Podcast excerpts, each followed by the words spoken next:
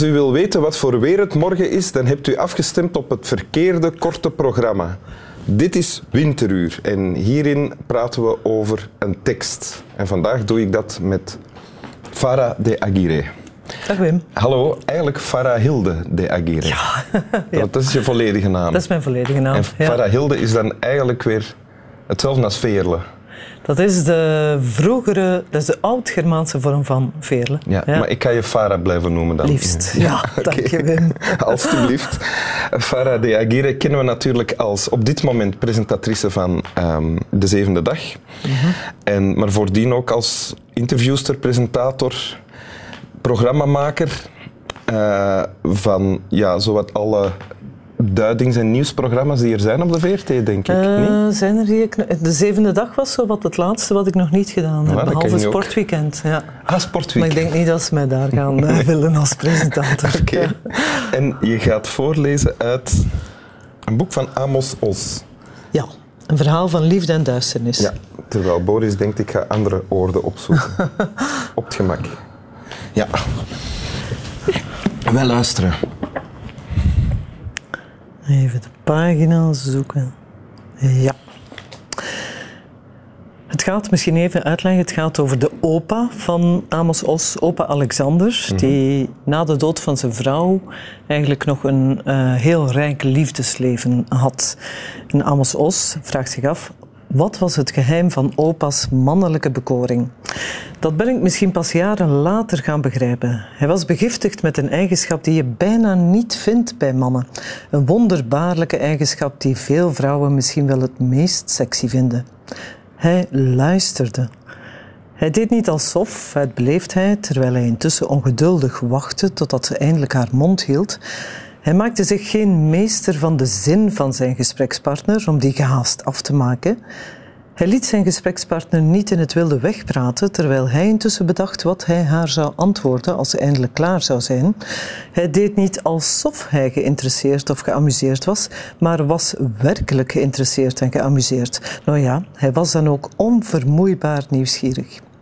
Hij was niet ongeduldig, hij probeerde niet het gesprek van haar onbeduidende zaakjes naar zijn belangrijke zaken te leiden.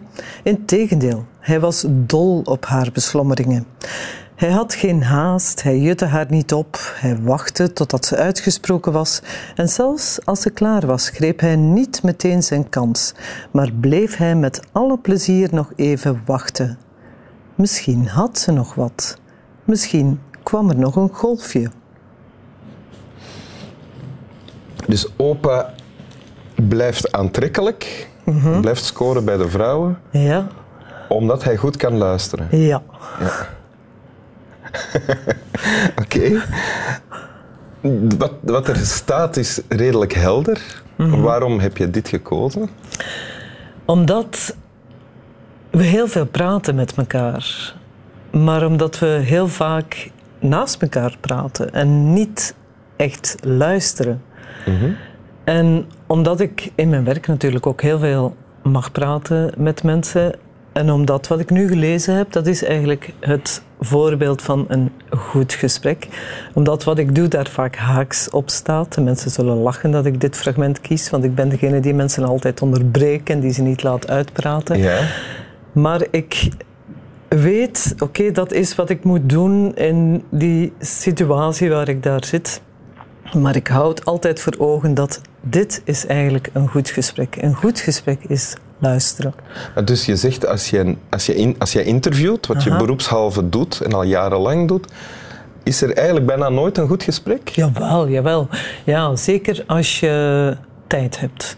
Want wat ik nu doe, live, een programma maken, daar is de tijd beperkt, dat weet je. Je begint dan, je hebt tien minuten, het moet klaar zijn. Dat is bij jou eigenlijk ook zo natuurlijk. En Ja. dan moet het in, in, dan gebeuren. Terwijl opa Alexander, die weet natuurlijk niet, hij begint een gesprek, maar hij weet niet wanneer het zal gedaan zijn. Als ik interviewde om reportages te maken, dan had ik ook de tijd om mensen te laten praten. Ja, ja. Als je interviewt te- tijdens een live programma of een programma waarin de tijd beperkt is, Ja. dan is de situatie ernaar dat het moeilijker is om goed te luisteren. Ook. Maar doe je dat, Dat dan ook. toch of probeer je dat dan te doen? Ik probeer dat altijd heel goed te doen, Ja? Luisteren en zwijgen. Want wat de opa ook doet, zo van hij zweeg, misschien Mhm. komt er nog iets. En vaak als je dat doet, kan er zo soms iets heel mooi komen nog. Of zoiets wat de man of vrouw niet van plan was om te zeggen en dan toch zegt. Ja. Ga je zwijgen? nee, ik heb het gekozen omdat het... eh, het is echt wat een goed gesprek zou moeten zijn. Er zijn. Ik weet niet of jij het niet herkent wat je doet. Ehm, Je, je ziet het gebeuren als mensen praten. De ene praat daarover, de ander begint daarover. En je praat naast elkaar eh, ja, ja, heen. tuurlijk. Ja. Of zo, je vat samen, je vult woorden in voor de andere iets gezegd heeft. Dus het is eigenlijk alles wat fout Wat eigenlijk heel vervelend is, want dan ga je er ook vanuit dat je eigenlijk al weet wat de ander gaat zeggen, wat niet Ja, noodzakelijk nee. klopt. Eh, maar je doet dat om het gesprek te doen vooruitgaan. Voilà. En eigenlijk zeg je daarmee ook van ja, ja, ja, we weten het, we weten het, maar dit is wat ik wil horen of eh, zelf over praten. Ja, ik heb het ook al eens. Ik geef soms les aan jonge mensen die willen leren interviewen. Ja? En dan lees ik het soms voor, het begin van eh, de les. Gewoon om een idee te hebben van, kijk, een goed gesprek, een goed interview is eigenlijk luisteren en zwijgen. Dat is ook je vragen maken hè, en ook nadenken en studeren waarover het gaat. Ja? Maar als je erin zit, dan moet je eigenlijk kunnen luisteren en zwijgen. Maar tegelijkertijd toch de ervaart inhouden. Ja, tuurlijk. Zeker als het live eh, moet, ja, dan je mag ook wel sturen natuurlijk. En hè. als je dan kijkt naar andere interviewers, eh, kijk je dan ook met deze blik van hij, hij of zij luistert niet? Ja, Ja. ja. Maar ja, ik kijk ook zo naar mezelf als ik herbekijk. Hè. Ja. Dan denk ik ook vaak, Farah, had nu toch gezwegen. Ja?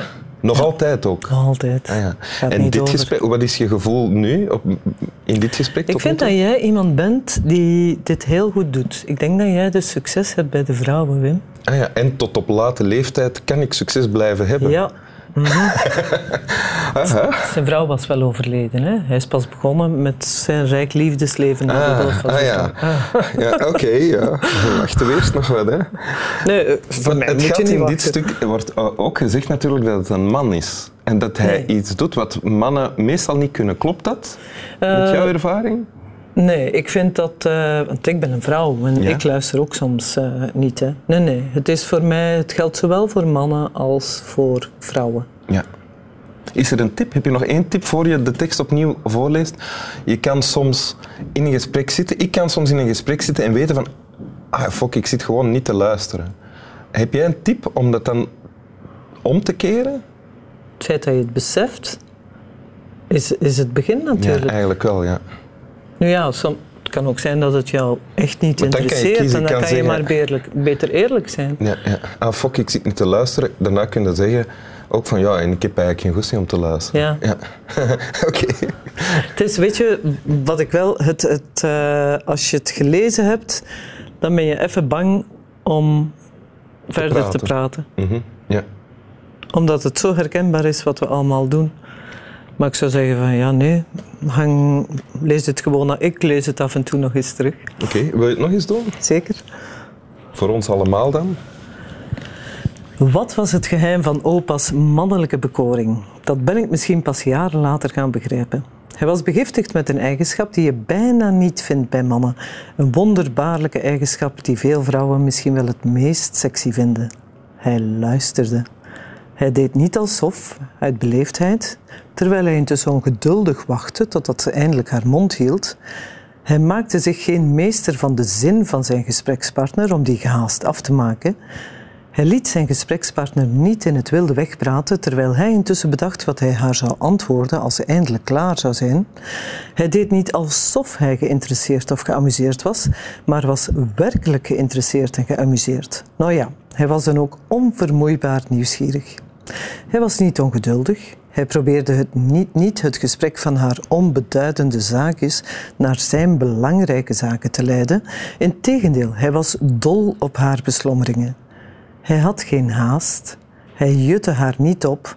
Hij wachtte totdat ze uitgesproken was. En zelfs als ze klaar was, greep hij niet meteen zijn kans, maar bleef hij met alle plezier nog even wachten. Misschien had ze nog wat. Misschien kwam er nog een golfje. Dank u wel. Slap wel.